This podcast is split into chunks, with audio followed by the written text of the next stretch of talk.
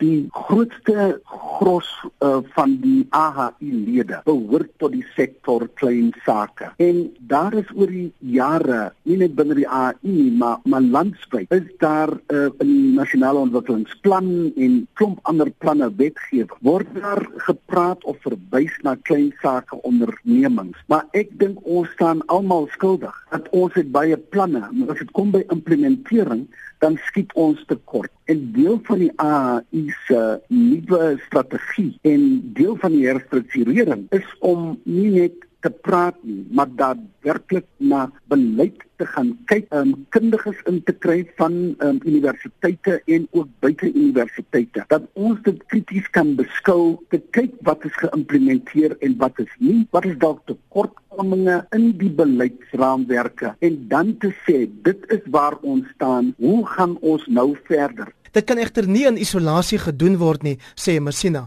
maar pogings tot samewerking met die departement van kleinsake ontwikkeling dra nog nie vrugte nie. Ons wil saam met die regering doen en hier dink ek spesifiek aan die departement van klein sake ontwikkeling. Ons het kontak met hulle. Ek moet eerlik sê en hulle sal saamstem. Dat die jaar het ons ontmoet en ons het gepraat, maar daar's niks konkreets wat ons kan sê aan die einde van 2016. Dit is wat ons gesamentlik eh, bereik het. Te veel organisasies wil ook steeds hul eie ding doen, maar Messina trap versigtig om nie beskuldigend voor te kom nie. Nou daar's nie fout daarmee dat mense hulle eie ding doen nie, maar ons hier in Suid-Afrika, ek dink ons is almal eens dat ons daar 'n krisis in die gesig met werkloosheid onder andere en of dat die mense wat wel in besigheid is, klein sake, dat dit is verskriklik moeilik om te floreer binne 'n raamwerk wat bevorderlik is vir hulle groei en om werk te skep en dit is van die die visie wat ons gesamentlik wil aanspreek. Wat is die posisie van nie tradisionele sakekamerlede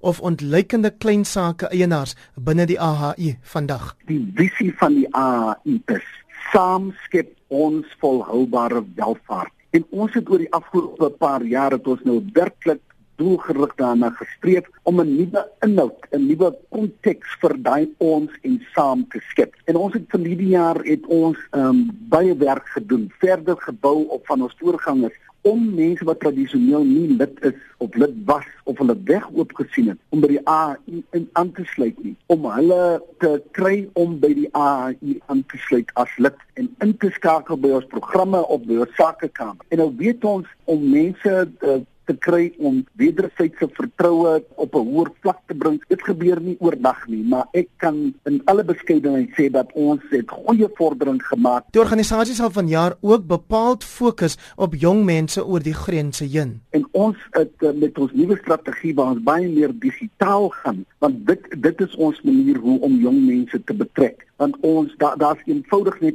veel jong mense wat um, nie hoop het nie, wat werkloos is en van hulle is gegradueer en derhalwe as deel van ons vennootskappe kyk ons na universiteite en hoe ons met hulle kan saamwerk. Is daar nog ruimte vir 'n sakeorganisasie wat primêr die Afrikaanse sakegemeenskap dien? My antwoord daarop is dat ons het al lankal die naam verander. Ons was die Afrikaanse Handelsinstituut, maar 'n hele paar jaar gelede het ons die naam verander na die AHI, soos 'n ABSA byvoorbeeld. En die mense ken vir Absa as Absa. Dit wat ons doen, nie wat ons praat nie. Dit wat ons doen, dit is wat mense moet aantrek en ons is hierdie jaar nog meer daarop gefokus en ingestel dat mense oor die grense heen dat hulle sal welkom voel en kan aanklank vind. Is dit die wyse waarop jy jouself vandag onderskei van ander sakeorganisasies? Ons sê dat ons is uh, Suid-Afrikaners in die eerste plek. Ons maak erns daarmee dat ons ekonomiese groei moet help bewerkstellig en ons sê nog harder dat